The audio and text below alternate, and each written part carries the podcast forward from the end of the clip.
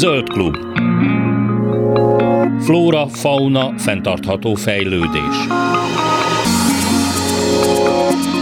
Kellemes délután kívánok, Laj Viktoriát hallják.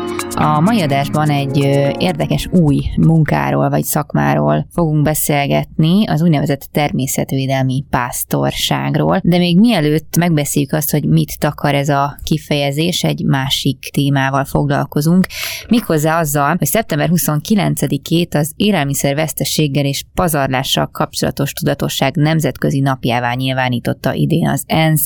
Ehhez időzítve mutatta be a Nemzeti Élelmiszerlánc Biztonsági Hivatal azt a felmérését, ami szerint 4%-kal csökkent a magyar háztartásokban keletkező élelmiszer hulladék mennyisége 2016 óta. Dr. Kassa Gyulával beszélgetek a Nébik maradék nélkül programjának vezetőjével. Először pedig azt kérdeztem tőle, hogy ez a 4%-os csökkenés jó eredménynek számít-e? Igen, kifejezetten jó eredménynek számít, már csak azért is, mert nem növekedett, és a élelmiszer hulladék és a GDP közötti összefüggést mindannyian jól ismerjük. Most pedig ebben az időszakban 16%-kal nőtt a fogyasztók vásárló ereje, és ennek ellenére is tudtuk csökkenteni az élelmiszer hulladékunkat a háztartásainkban. Ez tehát jó eredmény, de nem egy optimális eredmény, hiszen ha megnézzük az élelmiszer hulladék összetételét, még mindig a fele az, amit pazarlásnak nevezhetünk. Más néven ez az elkerülhető része az élelmiszer hulladéknak, ami a feledékenységünkből, felelőtlenségünkből végezte a szemetesben. Mi számít elkerülhető hulladéknak, illetve nem elkerülhetőnek? Nem elkerülhető hulladékok közé tartoznak azok az anyagok, amelyeket az élelmiszerekkel együtt megvásárolunk, kivéve a csomagolást, de nem ehető élelmiszer részek. Ilyen például a csirkecsont, a zöldségeknek, a gyümölcsöknek a héja. Egyébként ez is országonként változó megvan, uh-huh. ahol bizonyos növényi részeket megesznek, máshol nem. Mondjuk a, a tojáshéj. Tehát van egy sor olyan dolog, ami az élelmiszernek része, de nem tudjuk megenni. Az uh-huh. elkerülhető viszont fogyasztható élelmiszer jelent. Például a a, ha megnézzük az összetételét ennek a hulladéknak, ami egy átlagos háztartásban keletkezik, domináns része ennek a készétel. Ennek egy nagy része olyan egyébként, amit otthon készít elő, túl mhm. sokat főzünk, magyarul nem tudjuk megenni azelőtt, hogy megromoljon, vagy túl sokat szedünk ki a tányérunkba, ez a vezető. Emellett ott vannak azok a zöldségek, gyümölcsök, amelyekből szintén túl sokat vásároltunk és megfelelkeztünk róluk, és a harmadik helyen pedig a fékárok vannak. Egyébként elszomorító azt látni, hogy továbbra is nagyon sok egyébben kidobott kenyér, vagy olyan zsömle végzi a szemetesbe, amit vásárlás után. Ha, vagy hát a részleteit megnézik ennek a kutatásnak, ugye a 2016-os volt az első, amiben 100 háztartást vontak be, a mostaniba pedig 2019 végén végezték el 165 háztartást.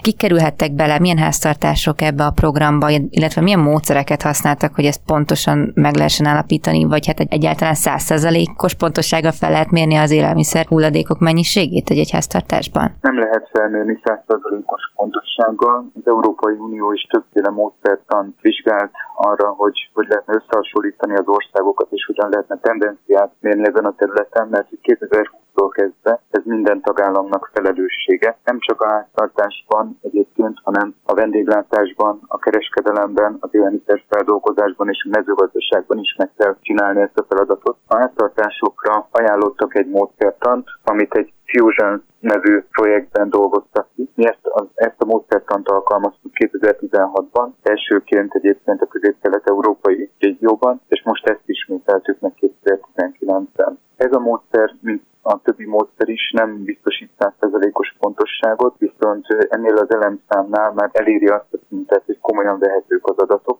és lehetőséget biztosít arra is, hogy hozzá tudjuk mérni az adatainkat a többi országhoz, ahol már készült ezzel a módszertannal felmérés. Uh-huh. Ez a módszertan arra épül, hogy a háztartások egy héten keresztül az összes élelmiszer hulladékot regisztrálják. Egy nagyon rövid felkészítés után erre bárki egyébként képes, és egyszerű eszközöket használunk hozzá. Konyhai mérleget, ami képes gram pontossággal mérni. Minden háztartás olyan mérleget kap, azért, hogy az adatok összevethetők legyenek, és a folyadékokat pedig egy mérőpohárban mérjük. És ezek a, az adatok ráadásul egy naplóba úgy kerülnek be, hogy minden hulladékhoz névben rendelünk egy kategóriát, és ezt a névi munkatársai osztályozzák utána, így derül ki azt, hogy melyik az elkerülhető, melyik a nem elkerülhető. Mm. És mhm. van még egy harmadik kategória is, melyik a potenciálisan elkerülhető élelmiszerhulladék. Ez a harmadik kategória az, amit nem mindenki tud ugyanúgy elfogyasztani, például ilyen a csirkebőre, vagy a kenyérnek a híja, ami néhány ember esetében mondjuk egy virágási nehézség miatt nem mm. fogyasztható el, bár alapvetően élelmiszerről van szó. Nem tudom, hogy arra vonatkozóan láttak-e különbségeket, vagy eltéréseket, hogy a háztartásban élő, vagy élők esetleg nagyvárosban, vagy kisebb településen élnek, milyen végzettséggel rendelkeznek, mennyi a jövedelmük, hogy ezek vajon befolyásolják-e azt, hogy ő mennyi élelmiszert fog elpazarolni? Igen, vannak befolyásoló tényezők, és vannak meglepetések is ezen a területen. Nem meglepetés az, hogy a jobb módú háztartásokban egyfőre vetítve több élelmiszer hulladék keletkezik. Azonban az némileg meglepő volt számunkra is, hogy ma már nem befolyásoló tényező igazán, hogy egy faluban él az illető vagy városban. Azt tapasztaljuk, hogy a falu, falun élőknek is egyre inkább városias az életmódja, ugyanúgy valamilyen diszkontban vagy supermarketben szeretik intézni a bevásárlásokat, és hát sajnos sokan nem tudnak helyben munkát vállalni, uh-huh. közelít városba járnak meg bedolgozni, tehát eltűnni az életmód között különbség. Nagyon visszaesett a háztáji állattartás és uh-huh. a, a konyhakert is a háztartásokban. Ez is azt mutatja, hogy kezd eltűnni az életmódbéli különbség.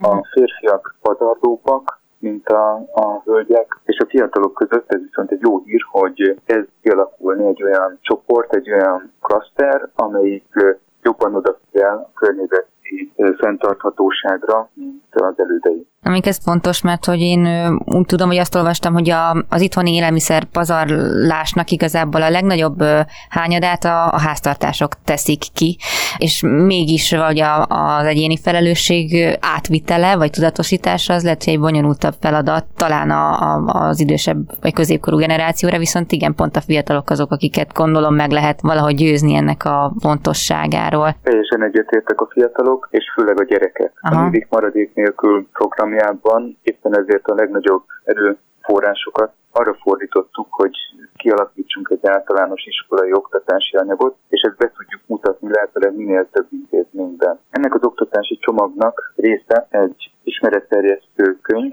egy pedagógusi kézikönyv, és különböző interneten bárki által hozzáférhető animációk, rajzfilmek, videók, amik segítik azt, hogy ne csak egy tanár, hanem akár egy szülő is a saját gyerekének bemutathassa ezt a témakört. 2016-ban készült egy felmérésük, ami azt vizsgálta, hogy milyen a pazarlással kapcsolatos attitűdje az embereknek, és nem tudom, hogy ezen belül mit találtak, hogy egyáltalán foglalkozik-e egy átlag magyar azzal, hogy mit dob ki a szemetesbe. Egy nagyon összetett problémáról van szó. Még él az a generáció, aki megtapasztalta második világháború utáni nehezebb időszakot, amikor élelmiszerhiány volt Magyarországon, és megfigyelhető, hogy ők gyakorlatilag nem dobnak ki zöldséget, gyümölcsöt, és mhm. az összes többi élelmiszernél is minimális a pazarlásuk. Utána viszont jött egy olyan időszak, amikor már nem volt gond az élelmiszerellátás, és akik ezekben az időszakokban nevelkedtek, számukra az élelmiszer értéke úgy tűnik, hogy alacsonyabb mert hogy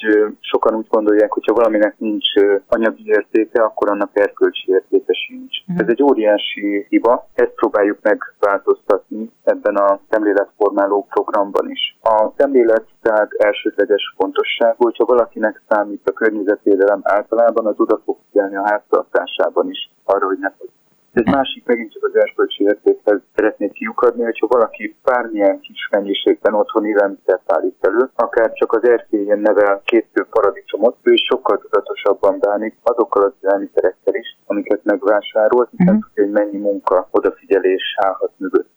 Mostani adatok alapján azt találták, hogy egy átlagos magyar állampolgár 65 kg élelmiszer dob ki a szemetesbe évente. 65 kg az borzasztó soknak tűnik így, de hogy mennyi lehetne a fenntartható ön szerint, vagy mi volna az az ideális szám, ami, ami még talán belefér?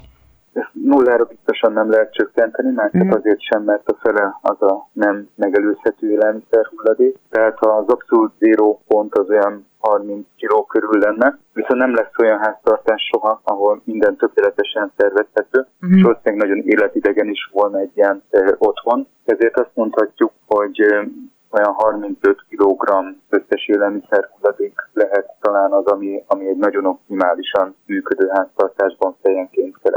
És ez nagyon nagy odafigyelést igényel egyébként, hogy ez összejöjjön? Nem, én ezt próbálom gyakorolni a mindennapokban. Vannak tényezők, amikkel az ember nem nagyon tud mit kezdeni. Például, hogyha vendégeket fogad, és ők valamit meghagynak a tányéron, akkor nyilván nem lehet kötelezni arra őket, hogy egyik meg. Ugyanilyen hiba lehetőség mhm. az, hogy a gyerekeknek az ízlése az napról napra változik.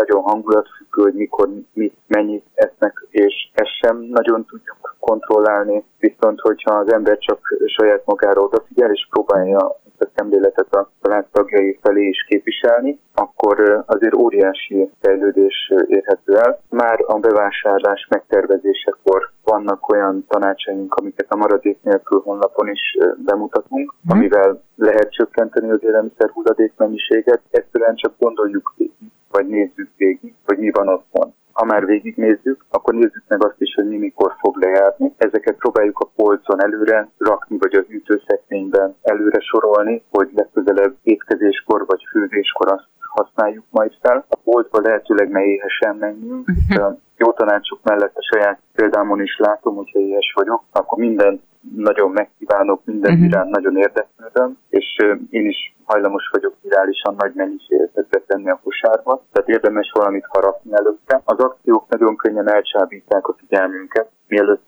engedünk ennek a csábításnak, mindig tegyük fel a kérdést, hogy ez valóban reális-e, hogy el fog fogyni háztartásunkban a lejárati időig. Ha már lejárat idő, akkor érdemes tudni, hogy kétféle van az élelmiszereken, fogyaszthatóság idő. Ez mondjuk azt, hogy ez egy szent dolog, hogyha lejár egy fogyaszthatóság idővel rendelkező élelmiszer, vagyis egy friss áru, azt már ne fogyasztjuk el, hiszen mikrobiológiai kockázatok merülhetnek fel. A minőségmegőrzési idő viszont más dolog, a tartós élelmiszerek, amelyeket ezzel jelölünk, ha felbontás nélkül tároltuk őket, csak háztartásunkban lejár egy ilyen termék, még nyugodtan kaphatnak egy esélyt. A bevásárlás után, ha hazaérünk, a szakszerű tárolás fontos, tehát minél gyorsabban igyekezzünk hazaérni, és a visszatárolandó termékeket elsőként helyezzük be a hűtőbe vagy a fagyasztóba. Az ételek kapcsán, a, ha marad valami, akkor ezt minél gyorsabban be kell tenni a, a hűtőbe, hogy szobahőmérséklet környékére visszahűl a étel, tulajdonképpen azonnal be kéne ezt tennünk. Újra felhasználáskor át kell forrósítani, ezzel a kockázatokat tudjuk csökkenteni. Az ételmaradékok egyik jó tartósítási módszere, és a legtöbbnél alkalmazható is, a fagyasztás. A fagyasztásnál sokan elkövetik azt a hibát, hogy megfeledkeznek a fogyasztóban lévő termékekről, ezért Igen. ezeket is időközönként át kell válogatni, és meg kell lenni azt, ami már régóta a fogyasztóban van. A legfontosabb általános tanács azonban az, hogy amikor egy élelmiszert kidobunk a szemetesbe, szálljunk egy másodpercet arra, hogy átgondoljuk, hogy miért lett ennek az élelmiszernek ez a sorsa, és a legtöbbször meg is van ilyenkor a megoldás, és legközelebb ezt kell, hogy eszünkbe jusson. Sokan például mindig 6 darab zsömlét vásárolnak, mert meg, ahelyett, hogy 6 darab zsömlét vásárolunk, és mondjuk hetente kidobunk egy-kettő, vagy még több zsömlét, inkább vegyünk négyet, és próbáljunk helyettesítő termékeket készletezni otthon, kétszersültet vagy más gabona alapú terméket, és hogyha kevésnek bizonyul a négy zsömle, akkor vegyünk ezért. A saját tapasztalat, hogy pékárút bizonyos helyen nem adnak egyesével, tehát hogy nem kérhetek egy darab, nem tudom, kakaósiget, hanem már előre be van csomagolva kettő vagy három, és önmagában nem, egyszerűen nem adják el, ki tudja miért. Ha már egy kiskereskedő sem figyel erre, vagy egy pékség, akkor nem tudom, itt utána nehezen hibáztatható az egyén, hogyha mégis elviszi ezt a kettőt, mert hát máshogy nem jutott hozzá, szóval ez egy kicsit visszás sajnos. Én nagyon hiszek a fogyasztók erejében, és hogyha egy képségnél vagy egy boltnál sokan mondják, hogy ők egyesével szeretnék megvenni, akkor előbb-utóbb meg kell hajolnia ezelőtt a kívánság előtt a vállalkozónak. Meggyőződésem látunk is erre néha jó példákat. Természetesen nem gondolom azt, hogy bármi elérhető pusztán jó szándékkal, de akkor olyan boltot kell választanunk, ahol, ahol meg tudjuk venni. Tehát ezeket a termékeket. A közösségi média még egy nagyon fontos erő. Maga egyébként az újságíró társadalom is nagyon fontosnak tartja ezt a problémát, ezzel szembesülünk, hiszen nagyon érzékenyen reagálnak a maradék nélkül program híreire a magyar média munkatársai, és nagyon sok ötletet kapunk is egyébként az újságíróktól, hogy hogyan mm. fejlesztjük tovább a programunkat viszont a hétköznapi ember is kezel ma már közösségi média felületeket, és ennek is óriási ereje van. Tehát, hogyha itt fölkap a közösségi média jó és rossz gyakorlatokat, az előbb-utóbb át kell, hogy szűrődjön, és át is szűrődik a vállalkozói világban. Nagyon szépen köszönöm a hasznos információkat dr. Kassa Gyulának a Nébik maradék nélkül programjának vezetőjének, és akkor igyekszünk mi is beszámolni minden hírről, amit a maradék nélkül program közzétesz. Köszönöm szépen még egyszer. Nagyon szépen köszönöm a beszélgetést. Nem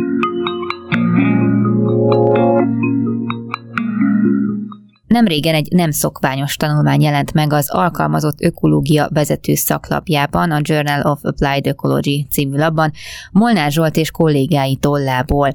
A cikk egyik különlegessége, hogy a szerzők között pásztorok is vannak, Máté János és Sáfián László, olyan szakemberek, akiktől a kutatók közvetlenül tanulják a pásztor tudományt. A hagyományos tudás így ötvöződik a modern tudományjal, és így egy olyan tudáshalmaz jön létre, amit a felek egyenként elég nehezen vagy egyáltalán nem is tudtak volna megvalósítani. Erről szól a következő beszélgetésünk.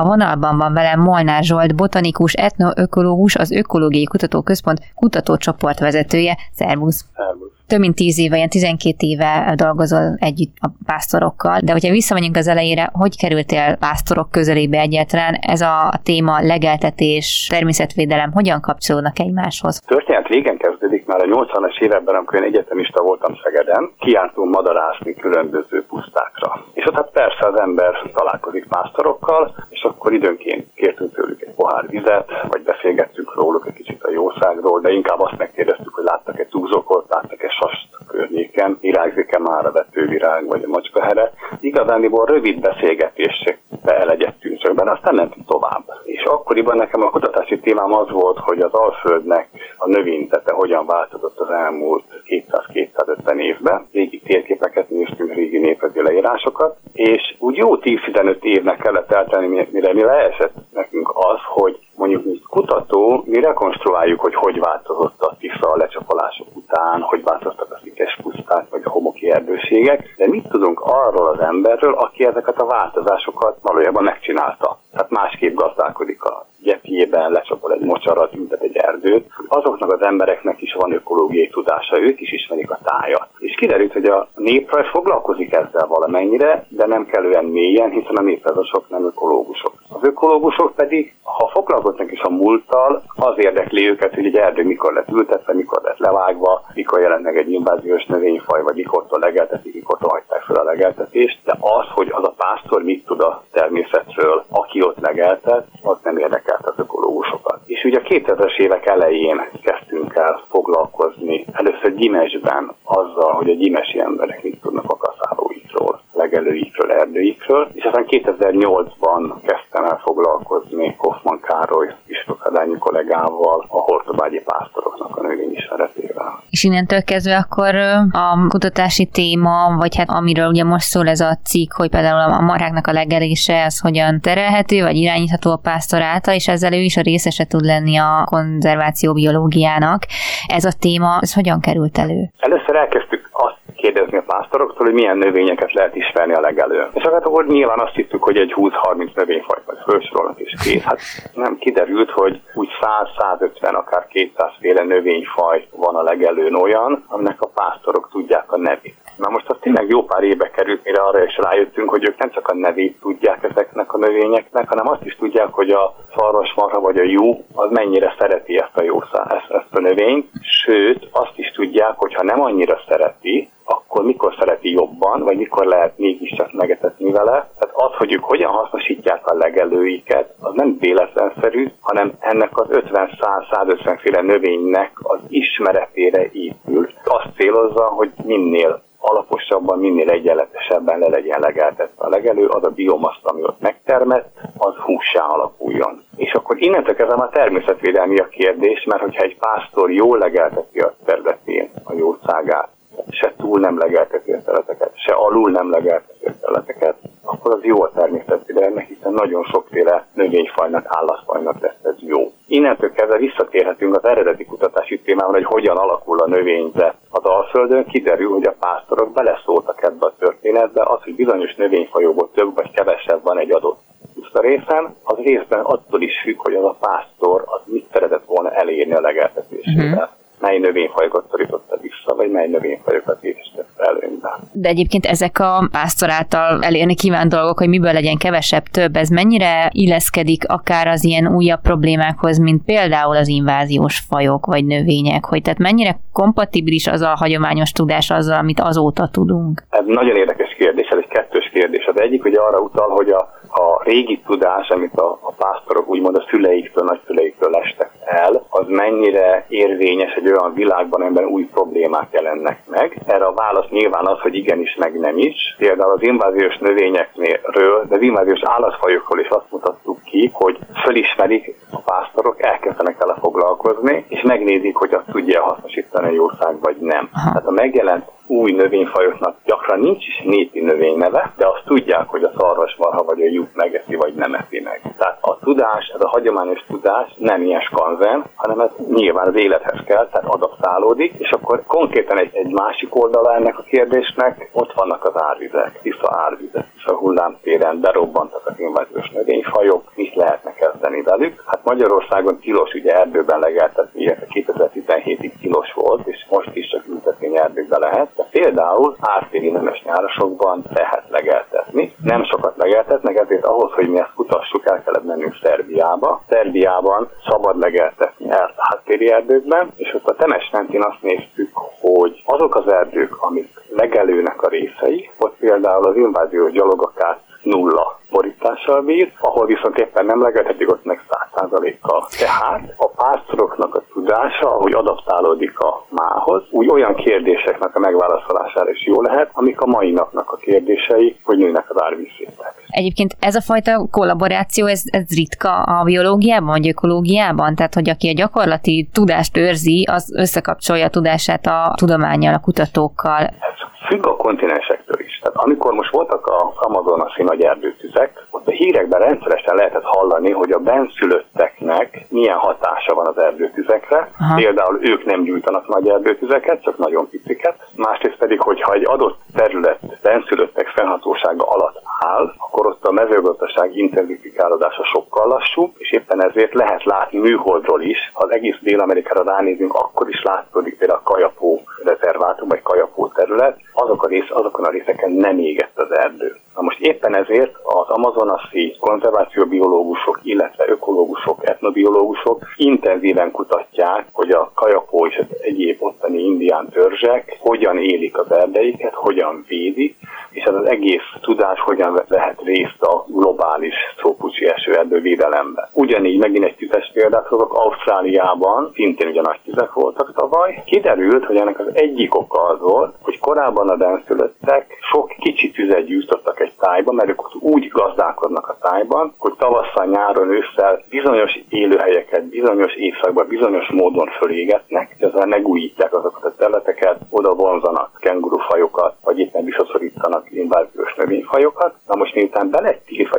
föl lett hagyva ez a hagyományos gyújtogatás, ezért fölhalmozódott nagyon sok biomassa, ami aztán, amikor leszárad, na akkor aztán rendesen ég. Éppen ezért Ausztráliában is erőteljesen kutatják a helyi embereknek a tudását. Európában egy kicsit rosszabb a helyzet, megmondom miért. Nyugat-Európának nagyjából eltűnt a parasztsága és a hagyományos pásztorsága, ezért az ottani kutatók a trópusokra járnak hagyományos tudást kutatni. Ott, ahol meg nagyon sok hagyományos tudás van még Európában, például a Balkánon, ott meg nincs kutató, aki kutassa. Uh-huh. Ilyen szempontból Magyarország pont jó helyen van, már elég modernek vagyunk ahhoz, hogy komoly kutatóhálózattal bírjon az ország, de még emlékszünk a hagyományainkra, még velünk vannak azok az emberek, akik még pásztorkodnak vagy hagyományosan gazdálkodnak. Most hírek következnek, de pár perc múlva folytatjuk az adásunkat Molnár Zsolt ökológussal. folytatjuk tehát a Zöld Klubot Molnár Zsoltal, etnoökológussal arról, hogy vajon miért jó botanikusok a marhák, és hogy a pásztorolt jószág hogy tehet jót a természetvédelemnek. Picit vissza a ti konkrét dolgaitokra, hogy pásztor és kutató együtt, hogy azt hiszem, hogy az, az most már teljesen világos, hogy mit adhat a tudománynak ez a gyakorlati tudás, de vajon visszafele mi megy? Tehát ti mivel tudjátok bővíteni a pásztornak a tudását, amit ő fel tud használni a mindennapjaiban? Hagyományosan, amikor az ember interjút készít valamilyen gazdálkodóval, amit régen a néptudosú parasztemberrel, akkor nem volt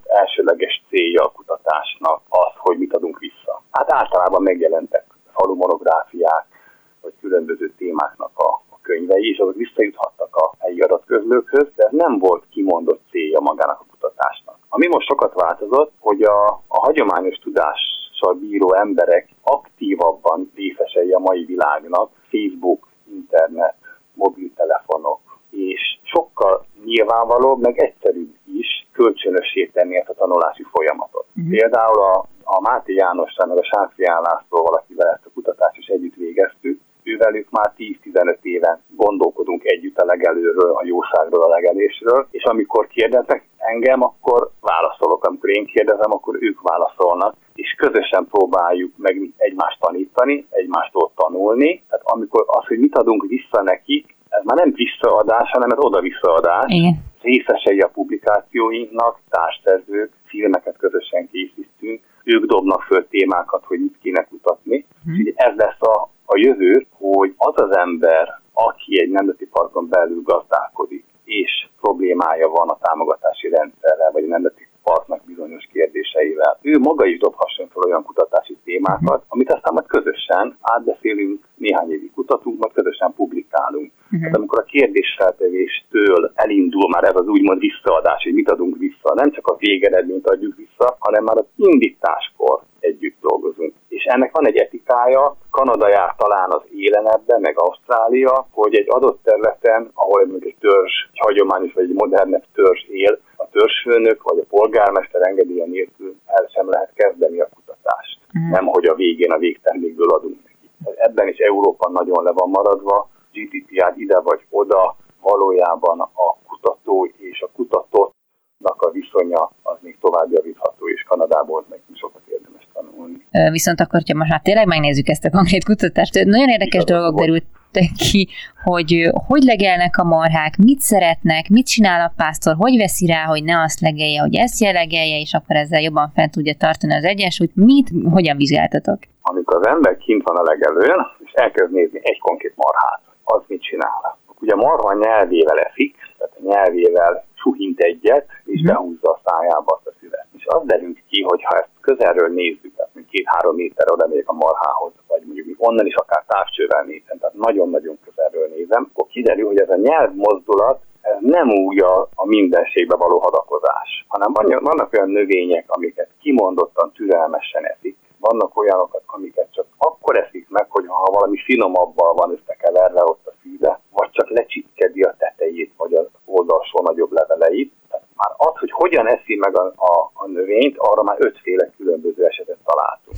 Mert még van az, amikor a fejét fordítja érte, illetve amikor még lép is egyet érte, hogy azt a nátszál hegyét még a fecsítje. Na most, ami még érdekes, hogy az elkerülés, hogy hogyan nem eszi meg a marha a füvet, annak is öt esetét találtunk az egyik, hogy megszagolja, és aztán nem folytatja a közeledést, aha, aha. vagy beveszi a szájába, és utána elengedi, nem kezdi el megenni. Van olyan, hogy beveszi a szájába, de véletlenül, nem véletlenül, effektíve kiejti, hagyja, hogy kiessen, és van, amikor már annyira nem szereti, hogy ki is rázza a szájából, és akkor van az, amikor simán elkerüli, tehát látjuk ott a távcsővel vagy szabad szemmel, hogy a marha ráközelít egy növényre, és hopp, hirtelen csak kerül egyet. És amikor ezt több százszor látjuk a legelően, egy-egy növényfaj esetében is 50-százszor láttuk ezeket a mozdulatokat, kiderül az, hogy van olyan növény, amit ő szisztematikusan szívesen eszik, valamit ő mindig elkerül, soha nem csitked bele, hmm. és innen gondoljuk azt, hogy ezt a 117 féle növényt, amit mi ezen a legelőn rendszeresen láttunk, ezeket ő valószínűleg fajonként ismeri. Eldönti előre, hogy ő ezt most mennyire szereti. Aztán persze valamikor kísérletezik, de amikor már megvan, hogy ezt ő szereti vagy nem szereti, akkor nagyon finoman nyúl hozzá. És ott akkor ebben szólhat bele a pásztor, aki kvázi egy menüt állít össze neki, hogy akkor ebből kérem most kevesebbet, és hát nyilván rá tudja venni, hogy azt is megegye, amit kevésbé szeret, de hogy erre milyen módszerek léteznek? Ugye azt mondja az angol mondás, hogy oda vezeted a lovat a vájúhoz, de nem veheted rá azt, hogy így van. Ez biztos, hogy egy városi embernek a mondása. Mert hogy a pásztor azt mondja, hogy nem csak, hogy oda vezethetem, hanem még arra is rá tudom venni, hogy ő mit tegyen meg, és mennyire egye meg. És ez mennyire nem a magyar pásztoroknak a, tulajdonsága, egy amerikai kollégával beszélgettünk minap, és ő mondta azt, hogy ő azt akarom, hogy a marha azt akarja, hogy ott legeljen, ahol én akarom. vagy ahol neki legelnie kell. Aha. Tehát a, a pásztor, mint a szülő a gyerekét. Uh-huh. Ugye amikor tudjuk, hogy ha mi 11 órakor édességet adunk a gyereknek, utána ne adjunk neki zöld dósó főzeléket ebédre, mert nem biztos, hogy a nagyon szívesen fogja majd enni. Tehát az, hogy mit miután eszik az ember, vagy a gyerek, az pontosan ugyanolyan, mint hogy mit miután eszik a marha. Például reggel elindítja a nyájat, vagy a gulyát, akkor kap valami olyat, amit ő mondjuk szeret, frissen hajtott. Utána jön a nagy délelőtti menü, a mhm. főétel, ami az a része a legelőnek, ami most sorra kerül, hogy nem mondjuk ezt kell legelni. Igen, ám csak egy olyan egy-másfél óra után megunja a jószág a legelés, uh-huh. mint ha mi mindig, csak mindig a rántott húsból csipkedhetnénk az asztalon. Hát most már valami mást is kérünk, és akkor a pásztor megcsinálja azt, hogy vagy egy sokkal finomabbra, vagy egy sokkal kevésbé finomra hajtja át a csapatot. Megmondhatja neki, hogy van itt más is. Ha finomabbra hajtott, akkor nyilván jutalomból kaptál egy kis finomabbat, na megint menjünk valami kevésbé finomra, de tartalmasra, amit most neked legelni kell. Ha meg sokkal rosszabbra hajtott, akkor meg rájön a józnak, hogy aha, tehát van annál rosszabb, mint a délelőtti főétel volt, és akkor délután már fogja enni azt, amit délelőtt is evett. Ezekkel a módokkal tudja befolyásolni a pásztor, és természetvédelemben ez nagyon fontos, mert amikor vissza akarunk szorítani egy elnádasodott, elgyíkényesedett foltot, akkor nagyon nem mindegy, hogy mi ennek hogy állunk neki. Mm. Tudjuk, hogy a nádat az szereti a jószág, mert édes a belseje, még gyerekkorunkban mi is húzigáltuk ki és ettük a, a belét. Tehát ez egy édes dolog. Ugyanakkor a gyékény nem szereti. Na most ezt, ezért mondjuk a gyékényt azt inkább tapostatni lehet, nem annyira legeltetni. Igen ám, de hogy hajtsuk át a gyékényesen? Hát például behajtás előtt este, akkor ugye már minden megeszik a jószág, mert akkor tudja azt, hogy itt most már egy fél óra múlva a kerítés mögé kerül, onnantól kezdve nincs kaja. Az utolsó fél óra, egy óra a legeltetésben mindig sokkal aktívabb, úgymond vacsorázik gyorsan még a jószág. Uh-huh. Most, ha ilyenkor hajtjuk bizonyos helyekre, akkor hajlamosabb azt megenni, vagy legalábbis letaposni. Így, ha ezt a természetvédővel együttműködve találja ki a pásztor, akkor, akkor olyat fog legeltetni a pásztor, amit jó.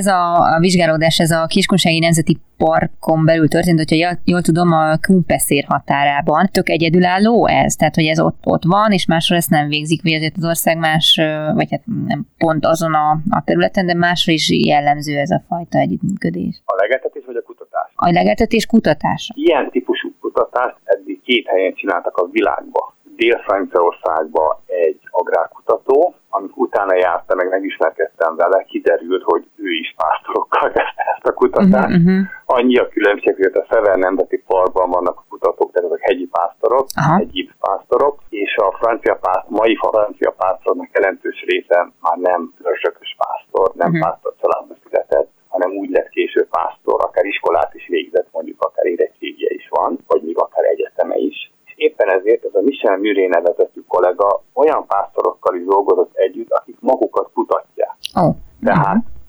pásztor miközben legeltet, ő még kutatja is magát. Ez egyébként jellemző a magyar pásztorokra, hogy ők, ők ugye nem kutató szakot végzett egyetemisták, uh-huh. de azáltal, hogy együtt dolgozunk velük, az ő figyelmük is módosul, és olyan uh-huh. dolgokra is elkezdenek figyelni, amikre korábban nem, vagy nem annyira figyeltek, és kapjuk a visszajelzést, hogy Zsolt, ami ott ide járt hozzánk, azóta ezt meg ezt meg ezt jobban figyelem. Uh-huh. Tehát tulajdonképpen ilyen szempontból el is egyféle tanítás vagy visszaadás, hogy olyan fontos dolgokra is kell kezdenek figyelni, amik még az apjuknak, nagyapjuknak nem volt fontos, de most a nemzeti parkok korszakában már fontos. Például micsoda? Például a túlzókfészkelés. Azt tudják, oh. hogy egyre kevesebb túlzókunk van ugye az utóbbi száz évben, és a túlzók az érzékeny a fészkelés megzavarására. Amint egy pásztor egy túlzók fészekről tudomást szerez, vagy automatikusan kerüli azt a területet, vagy egyeztet a Nemzeti Parknak a természeti őrével is úgy egyeznek meg, hogy akkor hogyan mozogjanak arrébb a legelőn. Tehát erre korábban a pásztorok így direktben nem figyeltek, mert volt uh-huh. elég túlzott nyilván okay. akkor sem pusztították a túltoxinszeket, de most itt külön oda, oda, odafigyelés van. Ugyanilyen például a bizonyos legelés érzékeny védett növényeknek a növényekre való odafigyelés, például a köpörcsinek esetében. Éjszakázó helyeknek a védelme, ne zavarjuk meg azokat a madarakat, amik ha bejöttek éjszakázni. Hát elég sokféle ilyen természetvédelmi kérdés van, ami, hogyha a pásztor és a természetvédő között rendszeres az együttműködés, akkor már a pásztor is tud figyelni rá. Gondolom, akkor itt jön be a képbe ez a kifejezés, vagy fogalom, hogy a természetvédelmi pásztor, amit itt használtak a, a cikkben. Igen, négy évvel ezelőtt írtunk egy olyan cikket, szintén már pásztorokkal, illetve természetvédőkkel, hogy egy igazi klasszikus pásztor, aki pont olyan tudással bír és úgy legeltet, mint az nem pont jó a mai világban, természetvédelmi szempontból, hiszen egy másik tájhoz illeszkedett az ő tudása. Ezért azt mondjuk, hogy szükség van egy olyan típusú szakmára, amit mi természetvédelmi pásztornak hívtunk. Egyébként ez a, ez a dél-franciaországi kutató, a Michel Muré pedig ecological doctornak, tehát uh-huh. ökológiai orvosnak nevezte őket, akik nem pusztán legeltetnek egy területet, hanem a természeti értékekre is figyelnek. Mondok példát, amire nem figyel egy hagyományos pásztor. Vannak olyan azon a területen gyakoriak, ahol ő legeltet, de a világban amúgy meg ritkák. Ő ezt a fajt gyakorinak fogja tekinteni, nem gondolja különösebb védelmet igényel meg kell neki mondani, hogy ez a faj máshol nem él. Egy másik példa a vonuló madaraknak a kérdése. Ott is átlátni kontinentális léptékben, hogy honnan hova vonul egy madár, és hol mennyi időt pihen, az egy pásztor számára nem lehetséges, hiszen ő csak azt látja, hogy jönnek, meg mennek. Ilyenkor a pásztort segíteni kell ezen tudásnak a megszerzésében. Amikor az megszerzi, akkor már nem mondhatjuk, hogy ő klasszikus pásztor, hiszen már annál többet is tud, és ezért neveztük el őket pásztornak. Tetszik nekem ez a kifejezés, és valahogy úgy, úgy érzem, hogy ettől egy ilyen, mert ugye a pásztorokra az ember hajlamos úgy gondolni, hogy hát felügyeli a, a jószágot, mit tudom én, egészséges maradjon, vagy hogy nézze, hogy éppen mit csinál, de hogy ez, hogy mondjam, hogy a, a szélesebb közönség, vagy a laikusok számára is egy olyan konnotációt tud adni az egész hivatáshoz, ami egy kicsit talán megemeli, vagy jobban ráirányítja a figyelmet, jobban elfogadja, elkezd érdeklődni az ember, hogy itt miről van szó, és ez lehet, hogy hosszú távon azért elég hasznos tud lenni, hogyha a természetvédelemről van szó. Igen, a legtöbb ember pásztorokkal egyébként népességbe találkozik, uh-huh. vagy pedig különböző hagyományőrző fesztiválokkal, és amikor pedig a legelőn esetleg látja, akkor az illető általában autóban ül, és elhalad egy legelő mellett, ahol uh-huh. áll egy pásztor, aki a botjára támaszkodik.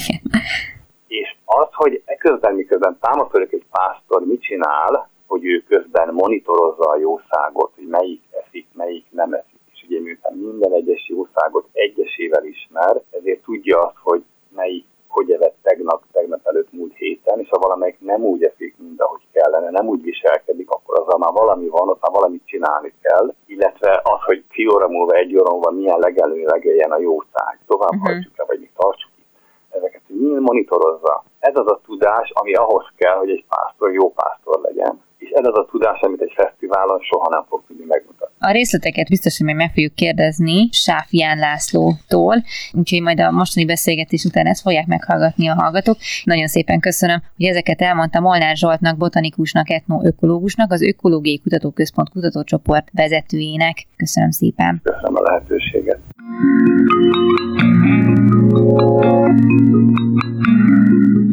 A cikk egyik szerzőjét, Sáfián Lászlót éppen legeltetés közben értem utól, legelőször pedig arra voltam kíváncsi, hogy vajon a tudósok és a tudomány nekik mit jelent, milyen hasznot hozott az ő munkájukban, hogyan éli meg a közös munkát a kutatókkal. Nagyon sokat változtatnak a gondolkodásunkon. Megpróbáljuk ezt is egybe látni a legelőnket. Kicsökkenni magáról nagyon sok mindennél ugye kapunk megerősítést tőle, Zsoltitól, hogy igenis van értelme, ami, amik egy sás kilegeltetésénél ugye egy ilyen folyamatos harc.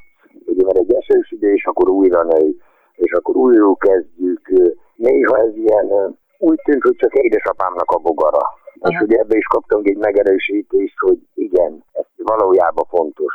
És hogy tudnak ezért tenni egyébként a gyakorlatban? Tehát amikor a legeltetésről beszélünk, vagy egy nyájnak az irányításáról, akkor igazából hogyan történik ez az egész? Hogyan tudják rávenni az állatot, hogy azt akarja, vagy azt csinálja, amit önök jónak látnak? Egyszer van az, úgy ismerjük ugye az állatot, hogy mit szeret, és mi az, amit megcsípkedni az, amit ugye kényszerből megeszik, és ezt próbáljuk váltogatni.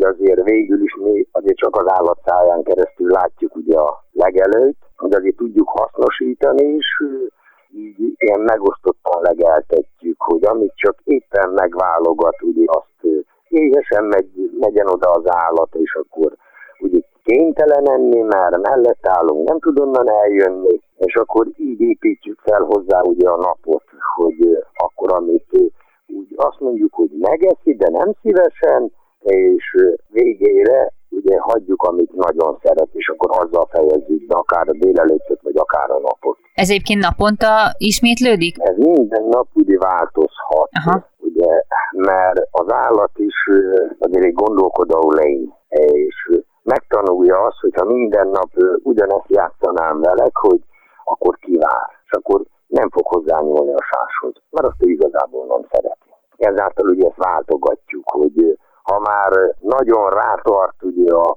állat arra, hogy igenis egy nagyon jó fogjuk befejezni, akkor megfordítom, mert a nagyon jó kezdünk, csak nem hagyom rajta ugye azon a szinten lakni, és akkor megfordítva visszafele legeltetjük. De ez azért nagyon érdekes, mert nyilván egy csapatként terelik a jószágokat, de hogy azért nyilván vannak egyéni eltérések. Nem, nem tereljük, mert ugye ez nem igazából jó kifejezés Aha. rá, hanem próbáljuk őket megállítani. Azért tűnünk ilyen semmit tevő embereknek, mert folyamatosan a botot támasztjuk elé, és próbáljuk rávenni, hogy itt is legelni kell. De egyébként az egyénileg is változhat, hogy oké, okay, hogy egy ponton megállítják a, az állatokat, de hogy az nyilván változhat, hogy most nem tudom, X egyednek ez most éppen nem felel meg, vagy nem eszik annyit, amennyit jónak látnak, vagy amennyit szeretnének, hogy ezzel mit lehet kezdeni? Egyedenként figyeljük, ugye, hogy mikor unja meg, de nem egy egyettől függ, hogy odébb hagyjuk-e őket menni, hanem az ösztől. Mindig az öszt összüzlegeltetünk, nem egy egyénhez. És amúgy mennyire jó tanulók a jószágok, a marhák mondjuk, hogyha róluk beszélünk? Igazából mindent megtanulnak. Egy legelőn belül mindent megtanul. Mindent tud, hogy ami neki jó, hol van. Azt is tudják már gondolom, hogy önök, majd ugye a pásztorok mit szeretnének, hogy, hogy ők mit tegyenek meg ha azt mondom, hogy ez, amit nem szeret, ez egy kényszer. Ők ügyesen próbálják azokat a részeket elkerülni, mi meg próbáljuk ugye ügyesen visszaforgatni, hogy azért mégiscsak enni kellene belőle. És hogyha valamit egyébként nem szeret, az, az miből látszik? Ahol pásztor hiányos a legelő, ott a legelő messziről mutatja, hogy a részek, a részek nincsenek kilegelve de maga az állat sem vágyik oda. Ha megfordul, hogy én a hátulján vagyok, akkor ő vagy keresztül megy rajta, vagy kikerül. És mi az, amit mondjuk szívesen fogyasztanak? Pillangósok. Minél szelídebb, édesebb mezők, azokat részesíti ugye előnybe az állat. Ez egyébként múlhat az évszaktól éppen? Vagy mondjuk attól, hogy egy esősebb időszakon vannak túl, vagy szárazabb, ezek befolyásolhatják a legelési szokásaikat? minden nap más. Az is befolyásolja, hogy előző nap mennyire lakott jól. Az időjárás meg százszázalékosan befolyásolja. Egyébként ezt a tudást, amit elsajátítottak, ez, ez mennyi időnek az eredménye? Tehát mikor fogja tudni az ember, hogy vagy ennyire jól megismerni azt a jószágot, amivel dolgozik? Hát most azt mondom, hogy egy idegen gulya vagy nyáj mellé áll, mert azért oda azért kell legalább egy ilyen, ha van megfelelő rutinja, akkor is kell egy két hónap, mire ugye megismeri a legelőjét, meg ami állat előtte van. De azon kívül édesapám azt mondta, hogy ezt egy életen keresztül kell tanulni.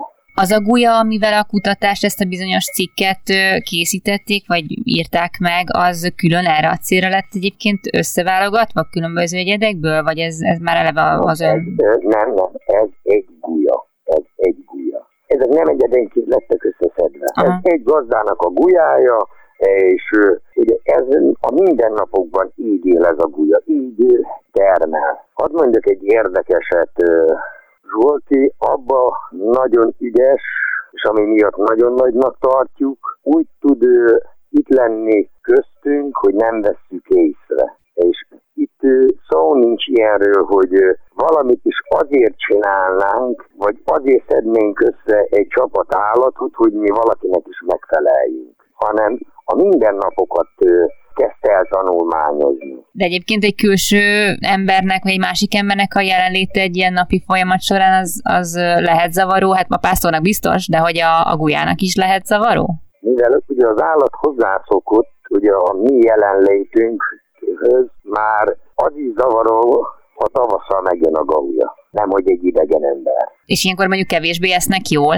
Nem tudja az állat hova vélni, de ugye ehhez is minden szakmához ugye kell ugye egy adottság. Zsoltiban nagyon megvan az, nagyon hamar tud alkalmazkodni. Így nagyon hamar el tudjuk ugye mi is fogadni, de viszont az állat is, hogy ő ott van. Tudja, mikor kell csendben maradni. De hát nyilván ez az is hozzátartozik, hogy már nagyon-nagyon régóta dolgoznak együtt, megismerik egymást. Tehát feltételezem, hogyha egy idegen ember oda menne, nem feltétlenül volna egy virágzó kapcsolat. Ha odafigyelünk egymásra, akkor lehet mert elkerülhetetlen, hogy idegen ne csapódjon az ember közelébe, de ezt vagy elébe megyünk, és akkor ugye ezt valamilyen szinten tudjuk úgy, kordába tartani, vagy rászólunk, hogy maradjon csendben.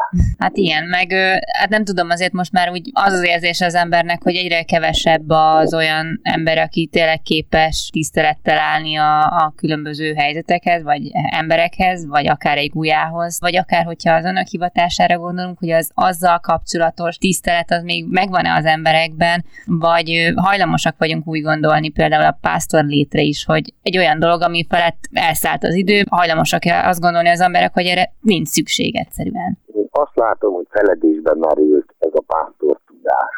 Igazából, ha azt mondom, hogy nem beszéltünk róla, nem is voltak igazából, aki kérdezzen, de ha kérdezett volna, akkor sem biztos, hogy beszéltünk volna róla. Hm. De miért nem? Alapból én magam példájáról tudok beszélni. Édesapámék úgy gondolták, hogy őtőlük jobb ne legyen. Ezáltal nem tanítottak senkit. Még amit tudtak is letagadták. Hm. Hát de így meg kiveszik a, a szakma, vagy nem tudom. Tehát nem tudom, hogy például, akár hogyha a fiatalabb generációkra nézünk, akkor ez mennyire megy át, vagy hogy szeretne az ember egyáltalán ezzel foglalkozni. Igazából ugye ez apárú fiúra maradt ugye nálunk, meg nagyon sok ilyen pásztor családnál, és ugye a tévhit, most már tudom, hogy meg kell őrizni magunknak ezt a úgynevezett tudást.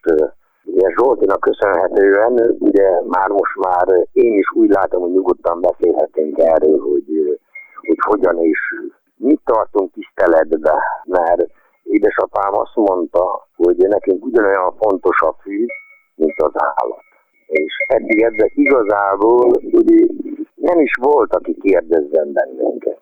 Azt mondta, hogy a apáról fiúra szállt önöknél a pásztorság, de ez megy tovább egyébként az ön családjában?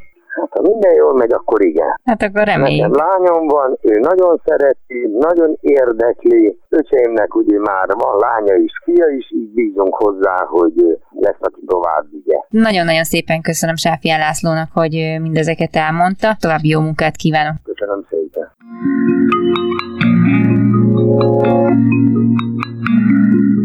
Ezzel pedig megköszönöm az egész órás figyelmüket. Az adás egy órával az elhangzása után meghallgatható lesz a www.clubradio.hu archívumában. További kellemes rádióhallgatást kívánok, Laj Viktoriát hallották, viszont hallásra.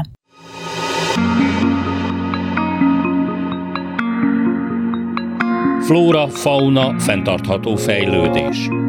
A Zöld Klub adását hallották.